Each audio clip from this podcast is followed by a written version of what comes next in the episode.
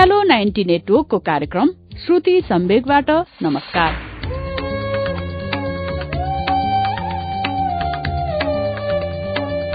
उज्यालो ninety नेटवर्कमा हरेक मंगलबार र शुक्रबार राति सवा नौ बजे कार्यक्रम श्रुति सम्वेक प्रसारण हुन्छ। देशभरिका उन्नाइसवटा एफएम रेडियो स्टेशनहरूबाट एकैसाथ प्रसारण भइरहेको कार्यक्रम श्रुति सम्वेकमा हामी वरिष्ठ साहित्यकारहरूका उत्कृष्ट गद्यहरू वाचन गर्दछौं। श्रुति सम्वेकको मंगलबारको श्रृंखलामा गएको सातादेखि हामीले कृष्ण धारावासीको नयाँ उपन्यास आधा बाटो लिएर आएका छौं। यो उपन्यास कृष्ण धारावासीको आत्मकथाको रूपमा प्रकाशित छ। कृष्ण धारावासीको वास्तविक नाम कृष्ण प्रसाद भट्टराई हो। कुल तीन सय चौरासी पृष्ठ रहेको उपन्यास आधा बाटोको गएको श्रृंखलामा कृष्ण धारावासीको परिवारले आफ्नो उद्गम थलो छोडेको बारेमा वाचन भयो। पहाड़बाट कसरी आफ्नो परिवार मधेस आयो र सात वर्षको उमेरमा त्यो बालकले के के सोच्यो भन्ने प्रसंगसम्म पहिलो श्रृंखलामा हामीले सुन्यौं। अब आधा बाटोको दोस्रो श्रृंखलाको वाचन पृष्ठ अठारदेखि सुनौ अच्युत घिमिरेको आवाजमा।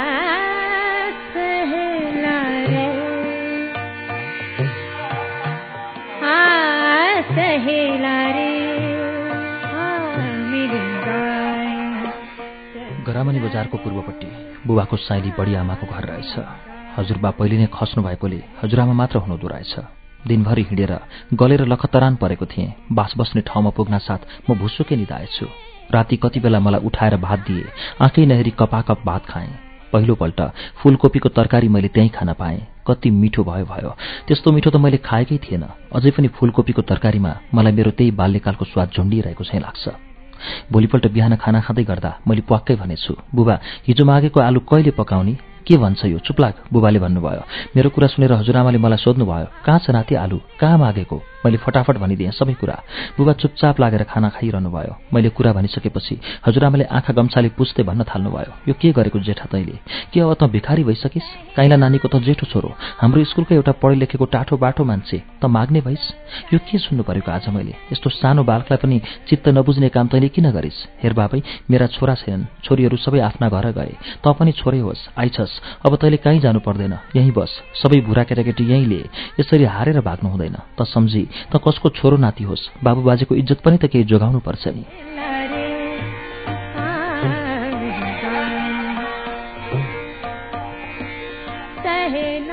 आमैले यस्तै कैयौँ कुराहरू भन्नुभयो। बुबा एक शब्द बोल्नु भएन खाना खाइसकेपछि दिउँसो घाममा मलाई काखमा लिएर मेरा कपालमा जुम्रा खोज्दै हजुरआमाले मसँग धेरै कुरा सोध्नुभयो।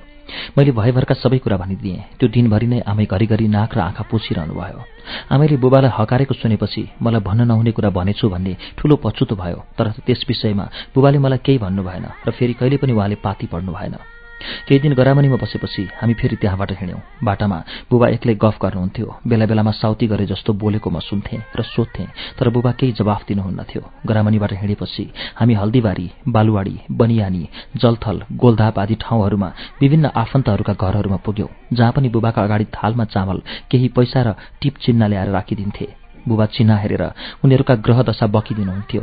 यसरी घुम्दा बुबासँग केही रुपियाँ जम्मा पनि भएछ। ती सबै क्षेत्रहरू घुमेर हामी फेरि गरामनी निस्क्यौँ। बुबाले हजुरआमासँग कुरा गरेको सुने जग्गा जमिन त जति पनि पाइने रहेछ तर साह्रै दुर्गम लाग्यो। बजार स्कुल छेउमा रहेनछन्। केटालाई पढाउन नपाइने रहेछ। पहाडबाट हिँड्दा पनि स्कुल बजारकै छेउछाउ बस्ने भनी हिँडियो।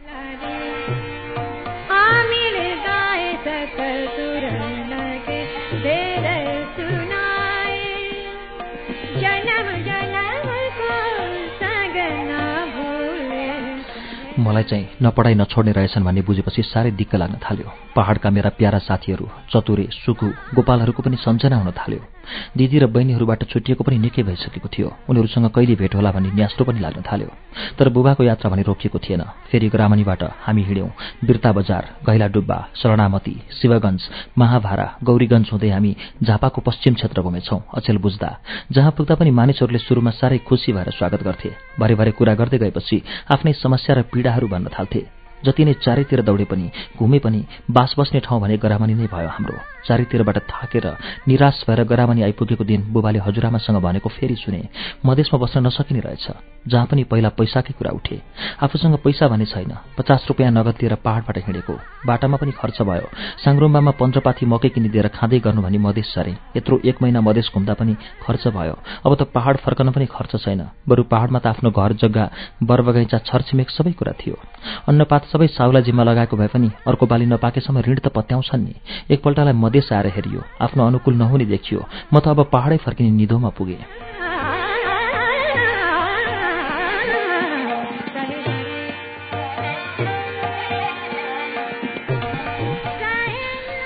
हजुरआमाले भन्नुभयो नआउनु मधेस आइसकेपछि अब लगतै पहाड किन फर्कनु जेठा? अरूले देख्दा पनि लाज मर्दो बडा घुर्काएर हिँडेको थियो निच्च परेर फर्क्यो भन्छन् सबैले।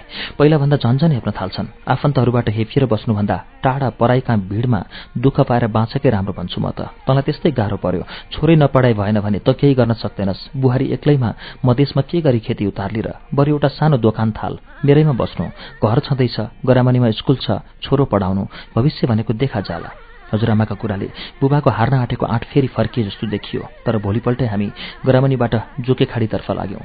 आमाहरू पहाडबाट जोकेखाडी आइसकेका रहेछन्।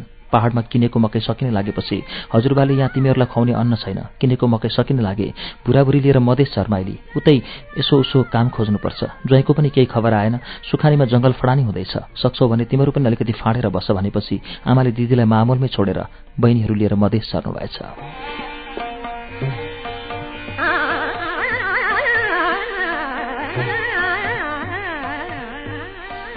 हामी झापा जिल्लाका कैयौं ठाउँहरू घुमेर अब मधेस बस्न नसकिने टुङ्गोमा पुगी पहाडै फर्किने मनले जुकेखाडी आइपुगेका रहेछौं। पहाड फर्किने कुराले मलाई चाहिँ खुसी नै लागेको थियो किनभने मधेसमा बसेमा पढ्नै पर्ने खेल्न नपाइने पक्का भइसकेको थियो। मधेस देख्न पनि पाइहालियो मोटरमा पनि चढियो साइकल पनि छोइयो जुल्फी पनि खाइयो फूलकोपीको तरकारी पनि खाइयो जहाँ पनि धानकै भात खाइयो जता हेरे पनि हिँडे पनि सम्म मैदान नै हिँडियो यी सबै कुरा सुकु चतुरे र गोपाललाई सुनाउन पाइने थियो। साइला काकाले मधेसबाट रेडियो लिएर गएको बेला सबैलाई मैले धक्कु लगाएर निल्न पार्न निल्न पार्न पाए जस्तै यसपालि पनि पार्न पाउने थिएँ। तर आमाले बुबाको कुरालाई भुइँमा खस्नै दिनु भएन। उहाँले बडा आँटिलो पाराले भन्नुभयो म त यो जुनीमा अब पहाड फर्कँदै फर्कन्न। त्यहाँ दुनियाँका अगाडि मरेको जस्तो मुख लिएर जानुभन्दा त यतै मर्नु असल। बरु अर्काकै भाँडो मोलेर भए पनि यो पेट पालिन्छ। पहाड फर्किने चाहिँ कुरै गर्नु पर्दैन मसँग। आमा र बुबाका बीचमा निकै ठाकठुक पर्यो तर पहाड जाने कुराको अन्त्य पनि त्यसै दिन भयो। भोलिपल्ट बिहानै आमा हातमा सुर्पा र बन्चरो बोकेर जंगल पस्नुभयो। बुबा पनि आमाको पछि पछि जंगलतिर लाग्नुभयो। मामाहरूले फाँडेको सीमादेखि उत्तरपट्टिको आपटे झोडा फाड्न थाल्नुभयो आमा। साना साना पोथ्रा खुर्पाले बुबा फाड्नुहुन्थ्यो। बन्चरोले ठूलो रुख आमा ढाल्नुहुन्थ्यो।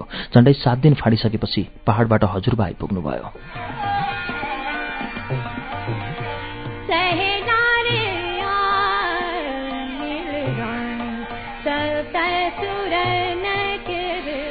बेलुका हजुरबासँग आमा बुबाका कुरा भए हजुरबाले भन्नुभयो तिमीहरूको नागरिक बनाएको छैन। नागरिक नभएकालाई जग्गा दर्ता हुँदैन। फाँडेर खन्जोत गर्दै गर्नु। जेठाका नाउँमा जग्गा दर्ता गर्नुपर्छ।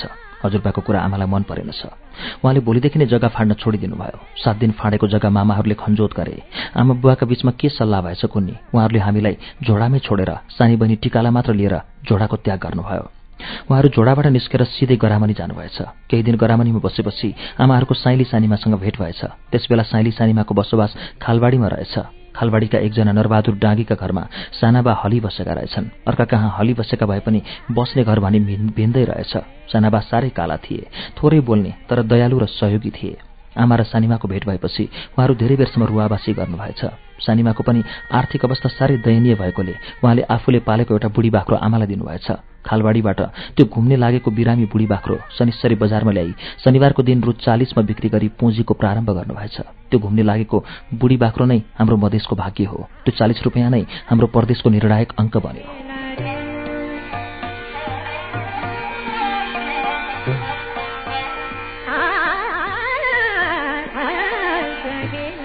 बुढी बाख्रो बेचेर प्राप्त भएको रु चालिस मध्येबाट केही सुर्ती र लाली खरिद गरी चुर दोकानको प्रारम्भ गर्नुभयो। शनिश्चरीबाट सुर्ती र लाली किनेर गरामनीमा चुर बनाएर बेच्न बस्दा दिनभरिमा चार आनाको पनि कहिलेकाहीँ बिग्दैन थियो रे।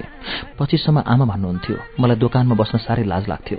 मानिसहरू चुर माग्न आउँदा म उनीहरूको अनुहारतिर हेर्नै सक्दिनँ थिएँ। दिनभरि चुर चाख्नेहरू मात्र आउँथे किन्ने मान्छे हुँदैन थिए। कहिलेकाहीँ दिनको चार आना आठ आनासम्मको बित्थ्यो धेरैजसो चाक्नेहरूले नै सकिदिन्थे। गरामनीबाट बोकेर सोमबार र बिहिबार बिर्ता बजारमा शनिबार शनिश्चरीमा चुर लिएर आउँथे। तर दिनभरिमा आठ आना रुपियाँको पनि बिग्दैन थियो। म रुँदै रुँदै गरामनी फर्किन्थेँ। खाने चामल घरमा हुँदैन थियो। सानो पावाटिनमा एक टिन चामल पाँच किलो भएका दिन मलाई ढिकुटीभरि अन्न भरिएको जस्तो मन डह्रो हुन्थ्यो।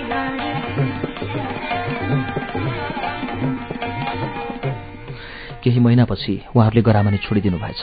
शनिश्चरीमा नै सामान किन्न आउनुपर्ने गरामनीमा पनि खासै बिक्री नहुने भएपछि गरामनी नै किन जाने शनिश्चरी नै किन नबस्ने भनेर उहाँहरू शनिश्चरीमै सर्नुभएछ साइली साइमाका त्यति बेला छोराछोरी पनि नभएका उहाँलाई साथी पनि चाहिएको र हामी बुढा पनि अलपत्रै परेका हुनाले पाँच वर्षकी बहिनी चन्दालाई साइली सानिमाले लानुभयो। मलाई झोडामै कान्छा मामाहरूसँग छोडियो। हामी तीन पाँच सात र एघार वर्षका दिदीभाइ दाजुबहिनीहरू एक आपसबाट अलग भयौं।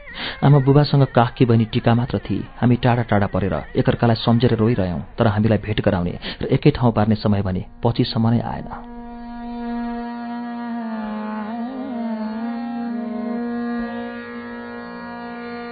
जा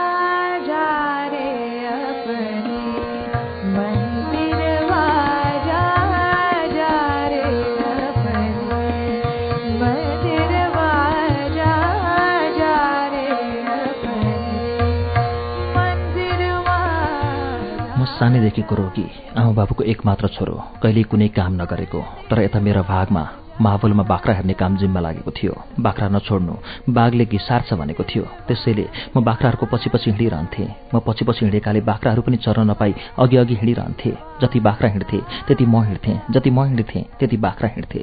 यसरी दिनभरि हिँडेकाले बाख्रा भोकै हुन्थे र म गलेर लखतरान हुन्थेँ। पछि पछि भने मलाई बाख्रा हेर्ने काम दिगदार लाग्दो र रिस उठ्दो हुन थाल्यो र जेसुकै होस् भनेर म कुनै ठुटोमाथि बसिरहन्थेँ र बाख्राहरू पनि चरिरहन थाले। यो बाख्रा हेर्नुभन्दा त बरु पढ्नै पाए हुन्थ्यो जस्तो लाग्न थाल्यो मलाई। वैशाखदेखि दुई हजार पच्चिस साल सुरु हुँदो रहेछ। त्यत्तिकै बर्खा लाग्यो। आँधी तुफान आउन थाल्यो। खोला नाला बढ्न थाले। जुकीखाडीकै छेउमा एउटा खरे खोलो छ। त्यो एकै क्षणमा थाहै नपाई हात्तै बढेर आउने गर्छ। त्यसैले त्यस खोलालाई पगला खोला भन्थे। पगला बढेर हामीलाई प्राय बाटो छर्न थाल्यो। त्यसले कहिले अजिङ्गर बगाएर ल्याउँथ्यो कहिले ठुला ठुला मुडा बगाएर ल्याउँथ्यो। पगलाभरि पनि बिरिङ टाङटिङ क्वाकुली फुलमती जस्ता खोलाहरू थिए। ती खोलाहरू तरेर भागेर आमा बुबाहरू भएका ठाउँमा पुग्न सक्ने सम्भावनै थिएन। थाहै नपाई अब दुई महिनाका लागि बन्दी भइसकेका रहेछौँ। जंगलका स्याउलाले छाएको छाप्रो चुहेर राति सुत्नै नहुने हुन थाल्यो। जे भए पनि दुःखलाई झेल्नुपर्ने बाध्यता जीवनसँग जोडिएकै हुँदो रहेछ। बर्खा लागेपछि आमा बुबासँग पनि भेट हुन छोड्यो। दिदी र चन्द्रासँग भेट हुने त कल्पनै गर्न छोडेको थिएँ मैले।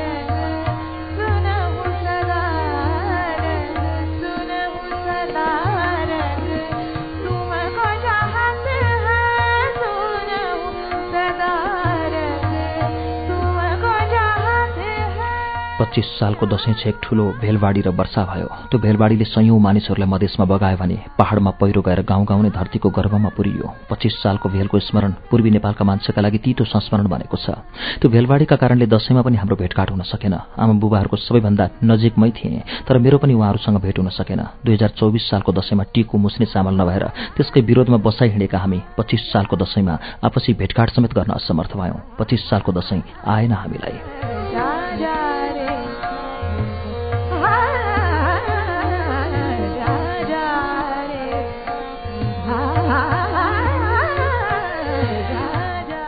वर्षसम्म झोडामा बसे पनि त्यहाँ मेरा कुनै साथीभाइहरू भएनन्। प्रायः सबै मभन्दा ठुलाबडा नै थिए र उनीहरूसँग मेरा कुनै कुराहरू त्यति मिल्दैन थिए। मावलमा बितेको एक वर्ष अवधिमा मैले सावा अक्षर चिन्ने मौका पाएँ। हजुरबा र कान्छा मामाबाट मैले अक्षर चिन्न सिकेँ। पढ्न भनेपछि पटक्कै मन नलाग्ने मलाई त्यति अक्षर चिन्न सकेकोमा खुबै गर्व लागेर आयो। मेरा पहाडमा छोडिएका साथीहरू र दिदीबहिनीहरूले नजानेका कुरा मैले जान्न सकेकोमा भने म खुबै आनन्दित भएँ। दसैँ तिहार सकेपछि मधेसमा जाडो सुरु भयो। हामी मधेस हिँडेको पुरा एक वर्ष पुगिसकेको थियो। दुई हजार पच्चिस साल पुस नौ गतेका दिन आमा बुवाहरू शनिश्चरी बजारमै बस्न थालेकाले अब मलाई स्कुल हुल्ने षड्यन्त्र सुरु भइसकेको रहेछ। दिदी मावलमै र बहिनी खालबाडीमै थिए तर मलाई भने सुखानीबाट झिकाएर आफूसँगै राखी स्कुलमा नाम लेखाइदिए। शनिश्चरी प्राथमिक विद्यालयको शिशु कक्षाको विद्यार्थीका रूपमा पार्टी खरी बोकेर म विद्यालय जान थालेँ। नौ वर्षको उमेर टेकिसकेको म भर्खर क ख पढ्न थालेको थिएँ। कक्षामा म भन्दा निकै कलिला केटाकेटीहरू पनि हुन्थे तर उमेर अनुसारको शरीर नभएकोले म अरू सरकै देखिन्थेँ। शनिश्चरी बजारको बीचमा रहेको गिरीहरूको ठूलो घरका पेटीमा हाम्रो बसोबास थियो। दिनभरि बजारको बीचमा चुर दोकान गर्यो र साँझ सोही घरका पेटीमा खाना पकाएर खायो र सुत्यो।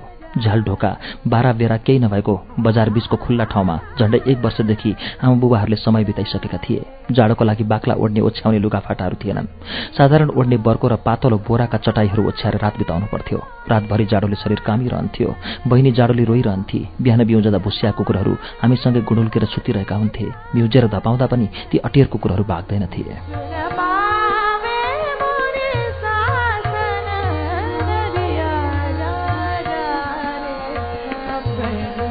पच्चिस सालको हिउँदमा पहाडबाट माइलाका खाले हाम्रो घरबारीको दाम जम्मा दुई हजार मूल्याङ्कन गरी एक हजार रुपियाँ ल्याइदिनुभयो साइली सानिमाको घुम्ने लागेको बुढी बाख्रीको चालिस रुपियाँबाट सुरु भएको चुर दोकानले जीविकाको राम्रो बन्दोबस्त गर्न थालिसकेको थियो। त्यसबेला शनिश्चरीमा चोर सुर्तीका प्रशस्त पसलहरू थिएनन्। बजार बीचमा रहेको रिजाल बाजेको चिया दोकानमा दुईजना विधवा दिदीबहिनीहरूको एउटा संयुक्त चुर दोकान थियो। उनीहरूको चुर ज्यादै प्रचलित थियो। त्यसपछिको दोस्रो पसल हाम्रै भएको थियो। हाम्रो पसलमा बुबाको ज्योतिष विद्या थप आकर्षण थियो। मानिसहरू चुर पनि किन्ने चिना टिपन पनि हेराउने गर्थे। बिस्तारै हाम्रो चुर दोकानले पनि आमदानीको मार्ग समात्न थाल्यो। आमदानी बढ्दै गएपछि गिरीकै घरसँग जोडिएको एउटा सानो झुप्रो घरमा हामीले डेरा लियौं। त्यो घर अर्काको जग्गामा मोही अनि हक कायम गरी बसेका सिटौला थरका मानिसको थियो। उनीहरूको आर्थिक अवस्था पनि अति नै दयनीय थियो।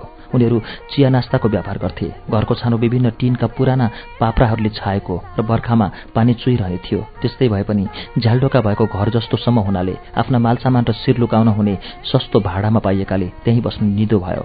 त्यो घर लिलक सिटौलाको थियो जो पछि मेरा बालसखा भए। नेपाली काङ्ग्रेसका एक समर्पित कार्यकर्ता लिलक सिटौला एक स्थापित र सुपरिचित व्यक्तित्वका धनी मानिन्छन् आज।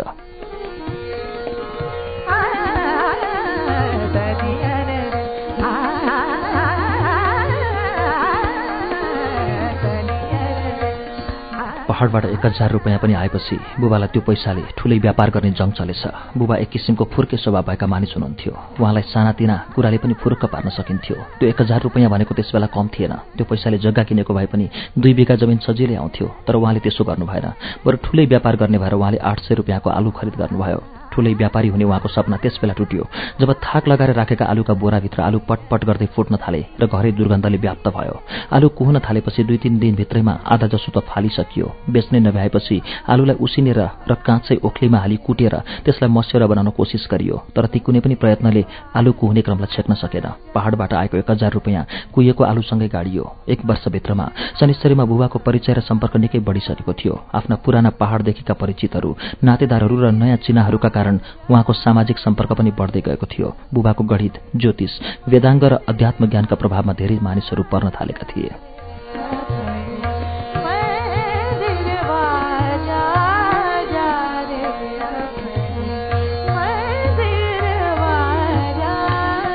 शनिश्चरीका एक प्रतिष्ठित समाजसेवी धनीमानी कहलिएका नागरिक हरिविलास वनसँग बुहाको गहिरो मित्रता बढेर गयो। हरिविलास वनलाई पटवारी मालिक पटवारी बा आदि भनेर मानिसहरूले चिन्दथे। पटवारी बा र बुबा दिनभरि दिनभरि जस्तो उहाँको जनसेवा मिलको गद्दीमा बसेर अनेक प्रकारका गफहरू गरिरहनुहुन्थ्यो। बुबाको तीव्र बुद्धि र दयनीय आर्थिक अवस्थालाई देखेर पटवारी बाले सातपत्रेमा रहेको उहाँको देवान देवेन्द्रलाल कर्णको नाममा दर्ता भएको जग्गा कमाई खान जिम्मा दिनुभयो। छ बिघा जग्गा अधिया कमाउन पटवारी बाले जिम्मा लगाएपछि हामी सातपत्रेमा सर्ने भयौं। तर त्यत्रो छ बिघा जग्गा एक्लै कसरी कमाउने? बुबा आफू शारीरिक श्रम गर्न नसक्ने आमाबाट पनि त्यो सम्भव थिएन। त्यसैले आफन्तहरूलाई त्यो मौकाको फल खुवाउन बुबाले झोडामा बसिरहेका मामाहरूलाई जग्गा भेटियो कमाई खाने भए आओ भनेर बोलाउनु भयो। मामाहरू आएर तीन रोपनी दसजना जग्गा कमाउन थाले। बुबाले दुई रोपनी दसजना जग्गा कमाउन थाल्नुभयो। हाम्रो बसोबास बजारबाट सात पत्रे सर्यो पहाड छोडेको दुई वर्षपछि हाम्रो साधारण रूपमा एउटा टुङ्गो लाग्यो।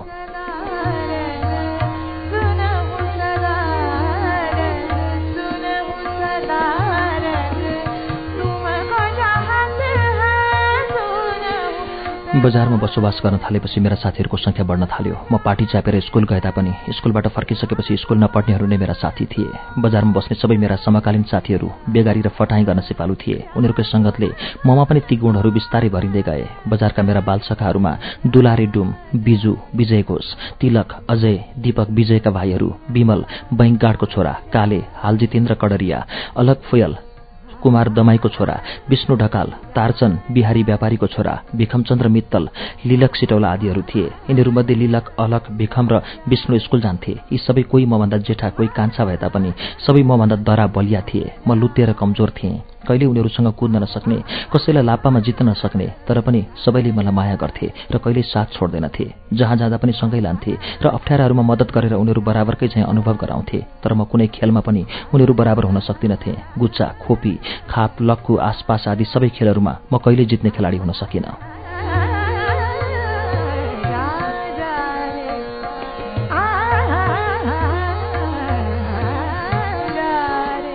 ती साथीहरू बाहेकका केही अलग्गै खाले मित्र आफन्तहरू पनि भएका थिए मेरा। शनिश्चरी बजारको चोकको पिपलको फेदमा उत्तर पश्चिममा एउटा फराकिलो टिनको छालो छानो हालेको छाप्रो थियो जहाँ हिजो आज एउटा तिनतले मिनी मार्केट बनिसकेको छ।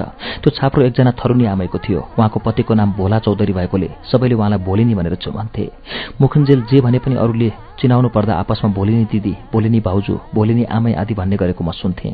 उहाँकी एकमात्र छोरी हुनुहुन्थ्यो मेरो दिदीकी उमेरकी। उहाँको नाम विष्णु थियो। विष्णु दिदीका सौतेनी आमापट्टिका भाइहरू त थिए तर के भएर हो? कहिलेदेखि हो उहाँले मलाई आफ्नै भाइ चाहिँ माया गर्न थाल्नुभयो। मलाई हात समातेर डोराउँदै घरमा लाने मिठो मिठो खाना दिने गफ गर्ने सिनेमा हेर्न लाने कतै घुम्न जानु परे मलाई नै साथी बनाउने गर्न थाल्नुभयो। विष्णु दिदीले मलाई प्यारो गरेको देखेपछि उहाँकी आमाले पनि मलाई छोरै जस्तो माया गर्न थाल्नुभयो।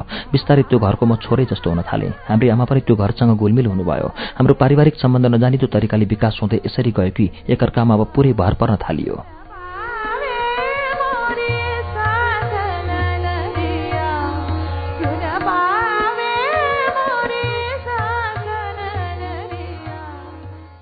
हामी अहिले उज्यालो नाइन्टी नेटवर्कको कार्यक्रम श्रुति सम्वेगमा उपन्यासकार कृष्ण धरावासीको उपन्यास आधा बाटो सुनिरहेका छौं। केही बेरपछि यसको बाँकी अंश लिएर आउँछौ। उज्यालो सुन्दै गर्नुहोला।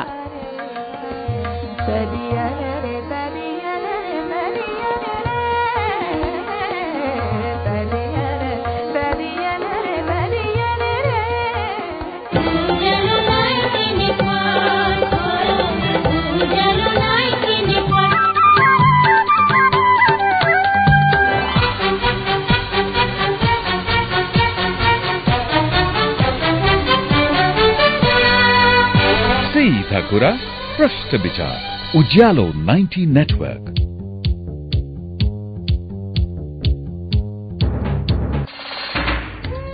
कार्यक्रम श्रुति सम्वेक तपाई अहिले उज्यालो नाइन्टी नेटवर्क काठमाडौँसँगै इलाम एफएम झापाको एफएम मेची ट्युन्स बर्दिवासको रेडियो दर्पण दोलखाको कालिन्चोक एफएम वीरगंजको नारायणी एफएम हेटौँडा एफएम चितवनको रेडियो त्रिवेणीमा सुनिरहनु भएको छ।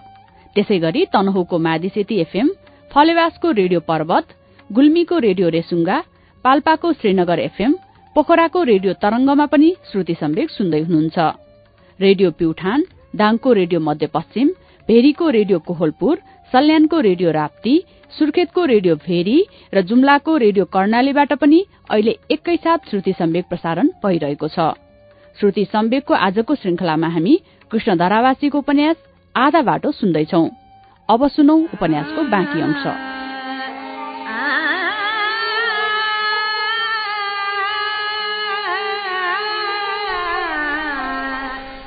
हाम्रो हिमचिम यति बढ्यो कि म भोलि नै आमैकोमा रात बस्न थालेँ। भोलि नै आमैको मुख्य व्यवसाय रक्सी बेच्ने थियो। उहाँ हाटको दिन भात पनि बेच्नुहुन्थ्यो। अरू दिन भने रक्सी र मासु मात्र बेच्नुहुन्थ्यो। बजारका मोची हजाम बिहारीहरू शनिचरेका परिचित प्रतिष्ठित मानिसहरू पनि त्यहाँ रक्सी पिउन आउँथे। चुपचाप रक्सी पिएर जान्थे। भोलि नै आमै साह्रै कडा छुच्ची उनीसँग जोसुकै बोल्न पनि डराउँथे। रक्सी खान आउने मानिसहरू धेरै बेर रक्सी खाएर बसेर झगडा गर्न पाउँदैनथे। उहाँ घचडेर निकालिदिनुहुन्थ्यो।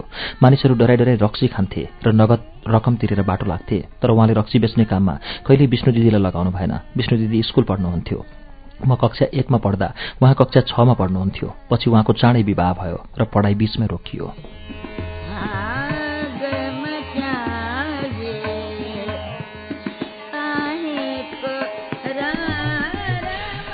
त्यसबेला शनिश्चरमै एउटा रक्सी भट्टी थियो। त्यो रक्सी भट्टीमा विभिन्न स्तरका रक्सीहरू तयार हुन्थे। भोलि नै आमाका पसलमा बिक्री हुने रक्सीमा रम सोफी दुधिया र घरैया भन्ने हुन्थे। घरैया भन्ने सबैभन्दा सस्तो हुन्थ्यो। त्यो रक्सी चाहिँ कुल्लीहरूले ज्यादा पिउँथे। सबैभन्दा महँगो थियो रम। त्यो चाहिँ शनिश्चरेका ठूला बडा गण्यमान्यहरूले पिउँथे। सोफी भन्ने चाहिँ अलिक ज्यादा गनाउँथ्यो। मलाई दुधिया रक्सी हेर्नमा रमाइलो लाग्थ्यो किनभने त्यो साधारण अवस्थामा पानी जस्तै सफा हुन्थ्यो। तर त्यसमा पनि पानी मिसाएपछि त्यो दुध जस्तो सेतो हुन्थ्यो। पानी हाल्न साथ त्यो कसरी सेतो भएको होला भन्ने सधैँ लागिरहन्थ्यो। मलाई त्यस ती सबै खाले रक्सीको दर रेट र मात्रा थाहा थियो। मलाई दोकान जिम्मा लगाएर प्रायःजसो उनीहरू बाहिर फेर गइरहन्थे। म दिनभरि रक्सी बेचेको पैसा एक रुपियाँ पनि तलमाथि नगरी जिम्मा लगाउँथे। कहिले त्यो पैसा लुकाउँ चोरौँ जस्तो लाग्दैन थियो। सिनेमा फेरिने बित्तिकै सिनेमा हेराउन लान्थे। घरमा पाकेको मिठो मसिनो खाना बोलाउँथे। साह्रै रमाइलो लाग्थ्यो मलाई त्यो घर। मलाई बेला बेला रक्सी चाख्छस् भनेर भोलि नै आमाले जिस्काउनुहुन्थ्यो तर मैले कहिले रक्सी चाखिनँ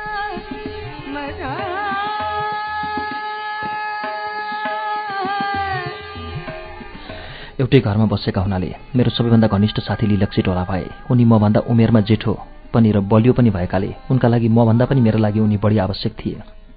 जहाँ जाँदा पनि सँगै लिएर जाने अप्ठ्याराहरूमा सहयोग गर्ने एक्लै नछोड्ने उनी मलाई आफ्नै भाइ जस्तो माया गर्थे र पनि उनको स्वभाव अलिक झन्का थियो। चाँडै रिसाइ हालेर हात छोड्ने बानीले गर्दा कति साथीहरू उनीसँग डराउँथे भने कति चाहिँ पर पर हुन्थे। बजारको वातावरण जहाँ पनि उस्तै त होला नि। हामीमा अनेक नराम्रा बानीहरू विकसित हुँदै गए। हामीलाई सिनेमा हेर्न सधैँ पैसा चाहिन्थ्यो। शनिश्चरी बजार पूर्वमा पारस टाकिज नामक एक सिनेमा हल थियो झापाका पुराना सिनेमा हलमध्येको त्यो एक हो।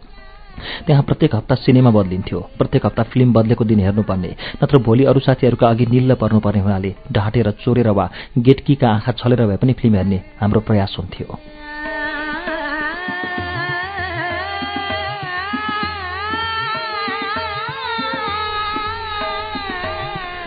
फिल्म नहेरी नहुने हुनाले त्यसका लागि पैसाको बन्दोबस्त गर्नु हाम्रो सबैभन्दा प्रमुख कार्य हुन्थ्यो। कतिपय बेलामा म बुबाको गोजीबाट पचास पैसा चोर्न सफल हुन्थे। त्यसबेला सिनेमाको टिकटको दर चार प्रकारको थियो। चौथो श्रेणीको पच्चिस पैसा तेस्रो श्रेणीको पचहत्तर पैसा दोस्रो दर्जाको एक रुपियाँ र पच्चिस पैसा र प्रथम श्रेणीको एक रुपियाँ पचहत्तर पैसा थियो।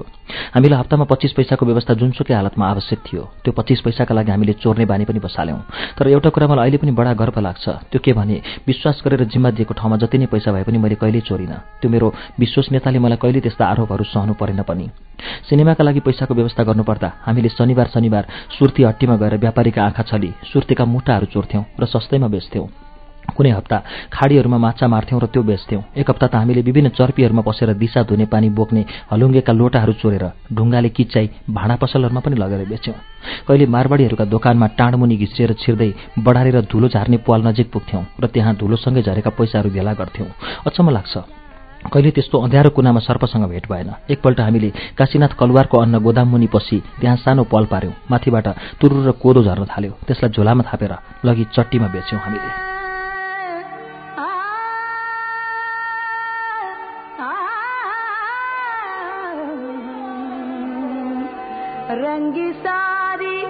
गुलाबी चुनरिया रे।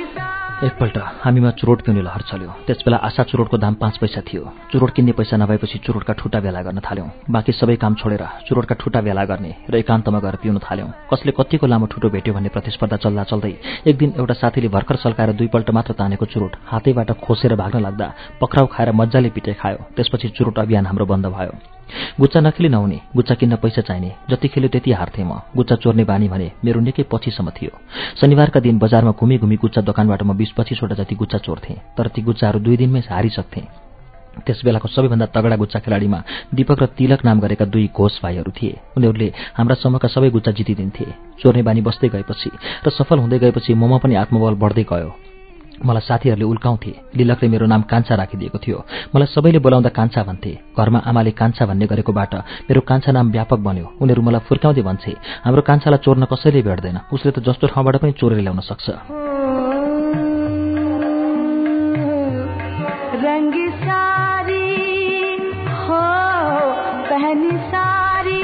उस्तै उल्क्याईको घरमा एक दिन शुक्रबार राति रमाइलो घटना भयो। यो दुई हजार छब्बिस साल हिउँदको कुरा हो। शनिश्चरी झापाको उत्तरी भेगमा पहाड़को नजिकै रहेको बजार हो। मेची अञ्चलकै प्रवेशद्वारका रूपमा चिनिएको शनिश्चरी त्यसबेला ताप्लेजुङ पाँचथर र इलामको प्रमुख बजार थियो। धरानपछिको दोस्रो प्रमुख चल्तीको पहाड़ी बजारको रूपमा परिचित शनिश्चरीमा पाँचथरदेखिका सुन्तलाहरू बिक्रीका लागि ल्याइन्थे प्रत्येक शुक्रबार शनिश्चरीमा सिँगै पहाड़ झारेको लाग्थ्यो लिम्बू राईहरू ज्यादा जसो हुन्थे रात रातभरि धान नाचेर बिताउँथे। एक शुक्रबार राति सुन्तला चोर्ने सल्लाह भयो। सबैले मलाई उक्ले आए त्यस समूहमा हरेन चक्रवर्ती ताराचन अब्दुल दुलारे लिलक विजय घोष जितेन्द्र आदि थिए। सबैभन्दा सानो भएकाले मलाई एउटा हातमा ब्लेड दिएर भने तैँले ढाकरको चोया काट्नु र पाल पारेर त्यसबाट सुन्तला झिक्दै फ्याँक्दै गर्नु। म भने जस्तै गरी बिस्तारै एउटा ढाकरको छेउमा बसेँ। ढाकरलाई एउटा भित्तामा अडेस लगाएर दिनभरि हिँडेर आएका गलेका बिचरा ढाक्रेहरू अर्कोपट्टि बेखबर निधाइरहेका थिए। मैले बिस्तारै ढाकरको आफूपट्टिको भागको चोया काट्न थालेँ। हात छिर्न सक्ने पाल भने भएपछि एक एकवटा गरी सुन्तला झिक्दै फ्याँक्दै गर्न थाले। उनीहरू त्यसलाई टिप्दै झोलामा हाल्दै गर्दै थिए। अलिक टाढा बसेर।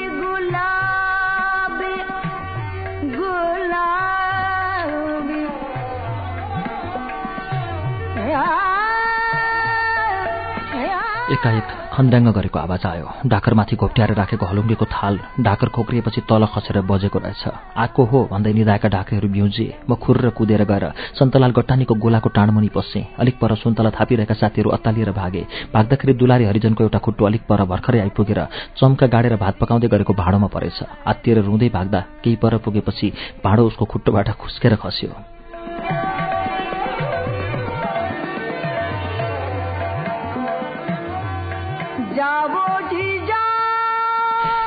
एकाएक बजारमा हो हल्ला भयो। धान नाचिरहेका सुतिरहेका पेटीहरूमा बसिरहेका मानिसहरूले हातमा खोकुरी बोकेर हाम्रा साथीहरूलाई खोज्न थाले। केही क्षण हो हल्लापछि बजार पुनः शान्त भयो। म डरले थरथर कामदै लुसुक टाढमुनिबाट निस्केर घरमा पुगेँ। बजारमा त्यत्रो हो हल्ला भएको र म नभएकोले आमा बुबा छटपटाइरहनु भएको रहेछ। म पुग्न साथ बुबाले मलाई पाता फर्काएर माया नगरी पिट्न लाग्नुभयो। त्यो दिन आमाले पनि मेरो पक्ष लिनु भएन। पिताजीको त्यो निर्मम पिटाइ खाएपछि भोलिपल्टदेखि मेरो बाहिर फेर हिँड्ने र चोर्ने काम बन्द भयो। तर सिनेमा त जसरी पनि हेर्नै पर्ने हुन्थ्यो। आफू सानो भएकाले टिकट काट्न नसक्ने हुँदा टिकट काट्न सक्ने साथीको लागि समेत आफूले पैसाको व्यवस्था गर्नुपर्दा प्रत्येक हप्ताहरूलाई पच्चिस पैसाको र मलाई पचास पैसाको खाँचो पर्थ्यो।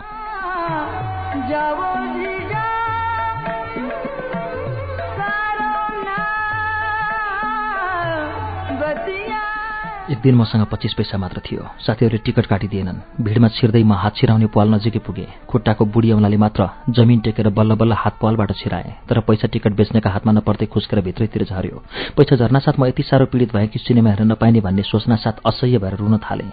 सबै मानिसहरू हलभित्र पसिसके। टिकट बिक्री बन्द भयो। भित्र फिल्म सुरु भयो। यता भाइ र मेरो रुवाई झन्झन तेज हुँदै गइरहेको थियो। मेरो त्यो रुवाईलाई खप्न नसकेरै होला। टिकट बिक्री गर्ने लोकनाथ घिमिरे बाहिर आउनुभयो र मलाई कानमा समातेर लगी चौथो श्रेणीमा छिराइदिनु भयो भित्र पस्नासाथ म चुपचाप लागेँ त्यसबेला दो दुश्मन भन्ने फिल्म लागेको थियो।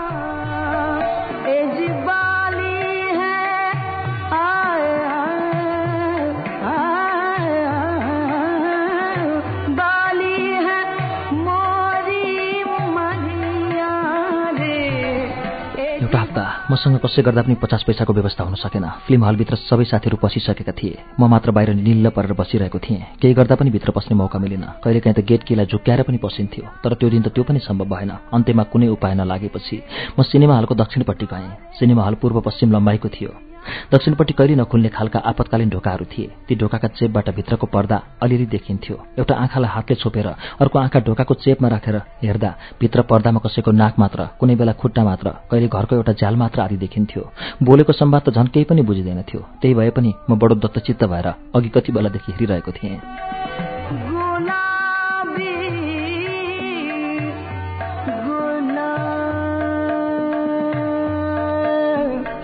हलको त्यो ठाउँ भनेको विश्राम हुँदा दर्शकहरूले पिसाब हेर्ने ठाउँ थियो। वरिपरि घारी र दुर्गन्ध बाहेक त्यहाँ केही थिएन। ठाउँ ठाउँमा मानिसहरूले दिशा गरेको फोहोर पनि थियो तर मलाई त्यसको कुनै प्रवाह थिएन। निकै बेरपछि भित्र कसैले खोक्दै गरेको र खकारेको सुने तर एकाएक मेरो आँखामा ल्याप्प केही लागेपछि मात्र थाहा भयो त्यो खोक्ने मान्छेले त पालबाट मेरै आँखामा पो थुकेछ। आँखाभरि फ्यात्तै खकार लाग्यो र त्यो आँसु जस्तो भएर गालाबाट बग्न थाल्यो। हतार हतार अर्को हात आँखाबाट हटाएर हेर्न खोजे। ला अर्को आँखा त पट्ट बन्द भइसकेछ केही देख्न नसक्ने र तिरमिराउने मात्र। धेरै बेर आँखालाई जबरजस्ती थिचेर थुर्यो भने नराम्रो असर पर्दो रहेछ भन्ने थाहा पाएँ। तर थाहा पाएर के गर्नु? दुवै आँखा काम नदिने भइहाले। छामछाम छुमछुम गर्दै उज्यालोतिर जान हिँडेँ। दुई पाइला पनि टेक्न नपाउँदै कुनै गिलो चिजमा म चिप्लिएँ। हात पनि गिलै पदार्थमा पुगेर टेकियो। गनायो साह्रै दुर्गन्धित। छि गुमा पो हात टेकिएछ। मनै जिरिङ्ग भएर आयो घिनले मुखभरि खकार हात र खुट्टाभरि गुहु आँखा देखिँदैनन्। नर्ककुण्ड भनेको त्यही होला जस्तो लाग्छ मलाई। अचेल पनि सम्झँदा। बिस्तारै उज्यालोमा आएँ। अलिक क्षणपछि थिचिएको आँखाले केही देख्न थाल्यो। नजिकैको इनारमा गएँ एउटा बाल्टी त्यही रहेछ। वरिपरि हेरेँ मानिस कोही थिएनन्। हतार हतार बाल्टीको डोरी समातेर पानी झिकेँ र हातखुट्टा र मुख धोएँ। लगातार दुई तीन बाल्टी पानीले हातमुख धोइसकी अलि पर ओझेलमा मात्र के पुगेथी एउटी आइमाई पानी भर्न भनेर आइन्। बाल्टीको डोरीभरि गु नै गु देखेर कराउन थालिन्। अरू पनि तिन चारजना मानिस भेला भए। म एकान्तमा उभिएर हाँसेँ र घरतिर लागेँ। भोलिपल्ट दिनभरि लगाएर मानिसहरूले इनार सफा गरे। त्यो दिनदेखि सिनेमाप्रतिको मेरो आसक्ति चाहिँ घटेर गयो। मलाई सिनेमा हेर्ने रुचि नै घट्दै गयो।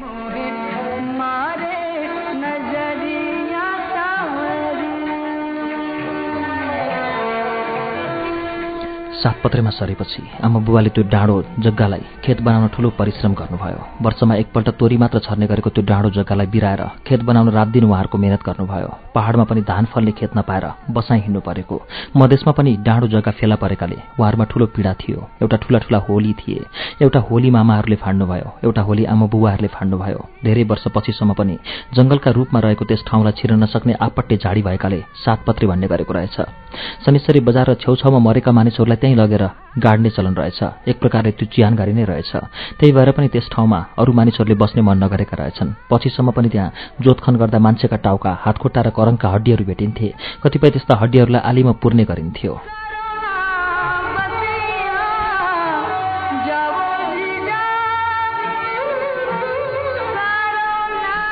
त्यहाँ एक वर्ष खेती गरेपछि जग्गाधनी देवेन्द्रलाल कर्णले जग्गा बेच्ने कुरा गरे। हामीले किन्ने पहिलो प्राथमिकता हामीलाई। हामीले नकिने अरूलाई नै बेच्ने तर बेच्न चाहिँ बेच्ने निदो गरेको कुरा उनले सुनाए। जग्गाको मोल बिगा प्रति पन्ध्र सय तोकियो। आफूले कमाए जति जग्गा किन्न बुबाले सैतिस सय पचास रुपियाँ निकाल्नु पर्ने भयो। त्यत्रो पैसा निस्कने कुनै उपाय थिएन। पहाडबाट पाउनुपर्ने एक हजार रुपियाँ आयो। त्यो वर्षको बाली बेचबिखन गर्दा एक हजार जम्मा भयो तर अरू पैसा निस्कने ठाउँ भएन। पिताजीले अरू एक हजार रुपियाँ ऋण काढी तीन हजार रुपियाँ जम्मा गर्न सक्नुभयो। आफ्नो रकमभरिको मात्र जग्गा किन्नुपर्ने हुँदा आफूले कमाइ ल्याएको मध्ये दस कट्ठा जग्गा छोड्नुपर्ने भयो। साइला काकाले एक बिघा पाँच कट्ठा र बाँकी जग्गा मामाहरूले किन्ने हुनुभयो। आफ्नै पैसाभरिको मात्र जग्गा किन्नुपर्ने भएपछि बुबाले जेठा मामालाई भन्नुभयो पैसा तीन हजार मात्र जम्मा हुन सक्यो दुई बिघा मात्र लिने भए तर त्यस दुई बिघाभित्र त्यो दस कट्ठा सिम पनि पारेर कित्ता काट गरिदिनु त्यति खाल भयो भने दुःख सुख भात खान पुग्छ।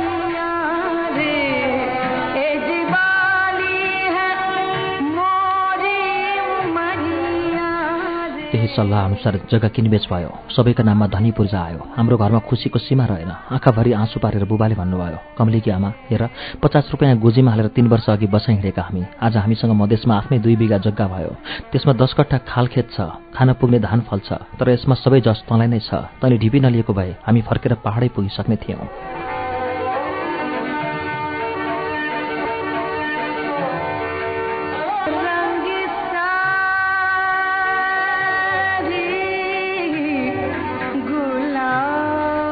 बुबाको शरीर कमजोर भए पनि उहाँलाई काम गर्ने ठुलो जागर र रहर थियो। टुक्रुक्क बसी बसी खन्नुहुन्थ्यो झार जिलाउनुहुन्थ्यो हँसियाले घाँस काट्नुहुन्थ्यो सब काम गर्नुहुन्थ्यो। उहाँमा विचित्रता थियो। खानेकुराको परिकार बनाउने कला थियो वैदाङ्गी गर्नुहुन्थ्यो घरेलु औषधि बनाउनुहुन्थ्यो ज्योतिष विद्या जान्नुहुन्थ्यो धामी भएर झारफुक गर्नुहुन्थ्यो।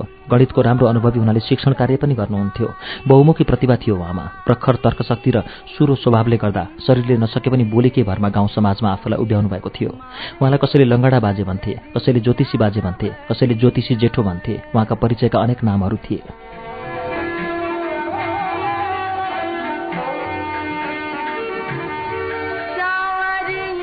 जग्गा किनेको दुई वर्षसम्म निर्धक्कसँगले हामीले त्यो दस कट्ठा होलीसहित दुई बिघा जग्गा भोग गर्दै गयौँ। दुई वर्ष बितिसकेपछि जेठामामाले जग्गा छुट्याउन अमिन ल्याउनु भयो। अमिनले आएर जग्गा छुट्याउँदाखेरि हाम्रो भागमा त डाँडो मात्र दुई बिघा पर्यो। त्यो खालखेत सबै मामाहरूका पट्टि पर्यो। कित्ताकाट गर्दा जेठामामाले बुबालाई धोका दिनुभएछ। चुपचाप खालखेत पनि आफ्नैतिर पर्ने गरी कटाउनु भएछ। त्यो षड्यन्त्रको भण्डाफोर भएपछि आमा बुबाका अनुहारमा बलेको सन्तुष्टिको बत्ती झ्याप्पै निभ्यो।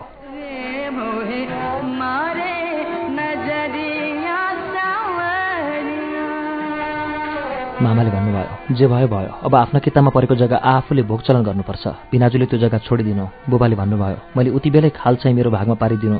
साह्रै दुःखले फाँडेको छु। बुढालाई भात खुवाउन त्यसबाट भर्थेको हुन्छ भने थिएँ। किन यस्तो गरिस् जेठा? मामाले भन्नुभयो उति बेला त्यो कुरा भए पनि किताकाट गर्न अप्ठ्यारो भएकाले सिधा सिधा काट्दा यस्तो भएछ। अब जे हुनु भइसक्यो सुधार हुँदैन। आफ्नो जग्गा भोगौँ कुरा सकियो। जेठा मामाको कुराले आमा बुबाहरू पहाडबाट खसी जत्तिकै हुनुभयो। हाम्रो घरको खुसी कता गयो कता? अब त आमा बुबाको पनि झगडा हुन थाल्यो।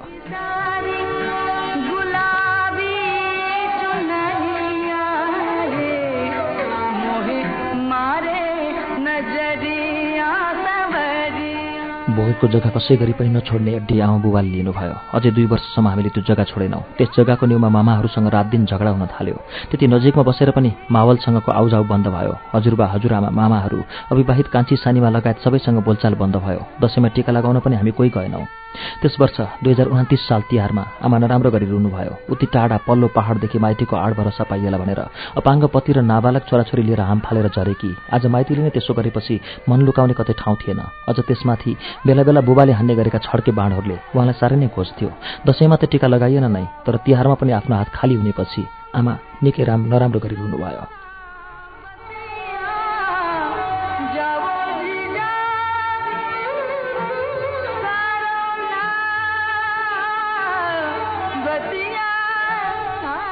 आमा रोएको देखेर बुबाले भन्नुभयो त चित्त नदुखा। त्यसलाई भाइहरूलाई माइती मान्नुभन्दा बरु दुईटा मदिसेलाई टिको लगाइदिए। माइती भन्ने चिज आफ्नो मनले मान्ने हो। रगतकै नाता भएर पनि खै के माइती भएर तिनीहरू? त टिकाको सामग्री ठिक पार। तेरा दुईटा भाइहरू लिएर म आउँछु भनेर उहाँ बजारतिर लाग्नुभयो। आमाले पनि पत्यारे होला। सयपत्री फुलका माला घाँच्नुभयो टिकाको सामग्री जुटाउनु भयो नभन्दा एक डेढ घण्टापछि बुबाले दुईजना बिहारीलाई अघि लगाएर लिएर आउनुभयो। ती दुईजनामा एक मग्रु साउ चिया पसले र अर्कोजना विश्व पानवाला थिए। दुवैजनालाई आमाले अत्यन्त स्वागत गरी भाइटिका लगाइदिनु भयो उनीहरूले आमाको खुट्टा ढोगेर उपहार दिए। आमाले भन्नुभयो मेरा दुईजना भाइ थिए दुवै मरे। आजदेखि तिमीहरू मेरो जन्म जन्मान्तरका भाइ भयो। त्यसपछि उहाँ फेरि रुनुभयो। ती दुवैजना मामाहरूले आमालाई सम्झाए। उनीहरूले रोटी फलफुल आदि खाएर धोती र कुर्तामाथि ढाकाटोपी ढल्काउँदै गए। कति वर्षपछि उनीहरूले पनि यो विदेशमा एउटी दिदी पाएको भावना गम्भीर भएर व्यक्त गरे।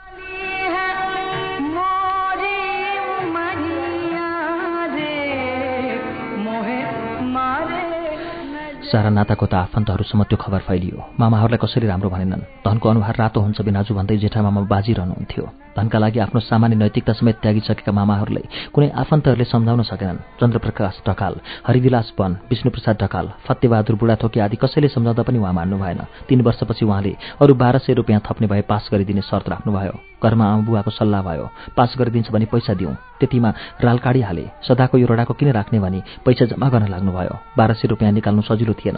आमाको डेढ तोला सुन बचेको रहेछ। त्यसलाई दुई सय पच्चिस रुपियाँमा मुरलीधर गट्टानी कहाँ बेचियो? त्यहाँ पुडी गाई थियो। त्यसलाई सात सयमा बेचियो। अरू केही चाँदीका गरगहना र सरसापट्टि गरेर पैसा बुझाउन जाँदा कान्छा मामा बुरुको उफ्रे कान्छा मामाले हक दाबी गरी जग्गा पास नगरिदिने भए। घरमा भएको दुध खाने गाई आमाका नाक कानका गहना सबै बेचेर नाश गरिसकेपछि जग्गा नदिने भए। घरमा अर्को रुवाबासी र रडाको मचियो। फेरि आमा बुवाको झगडा बढ्यो। त्यो सबै थोक बेचेर जम्मा भएको पैसा त्यत्तिकै मासिएर सकियो। त्यसपछि आमाको शरीरमा गहना कैयौँ वर्षसम्म पर्न सकेन। तर त्यो पुडी गाई भने बेचेको दुई महिनापछि आफै कहाँबाट फर्केर आयो? खोज्ने मान्छे आएनन् र पछिसम्म हामीले त्यसको दुध खायौँ।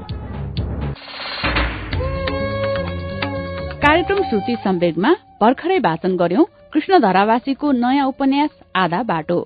यो उपन्यास उहाँको आफ्नो आत्मकथाको रूपमा भर्खरै बजारमा आएको हो।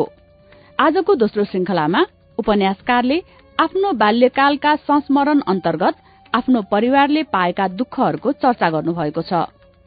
बाल्यकालमा संगतका कारण आफूले गरेका गल्तीहरू सिनेमा हेर्ने मोहले भोग्नु परेको शास्ति अनि दुःख पाएको अवस्थामा पनि आफूलाई प्यारो गर्ने केही परिवार र आफ्ना केही साथीहरूबारे आजको वाचनमा प्रस्तुत भयो। माओलीले आफ्नो परिवारमाथि विश्वासघात गरेपछि बेहोर्नु परेको व्यवहारको चर्चा सँगै आजको वाचनले विश्राम लिएको छ। बाँकी प्रसंग अर्को साता अगाडि बढ्छ।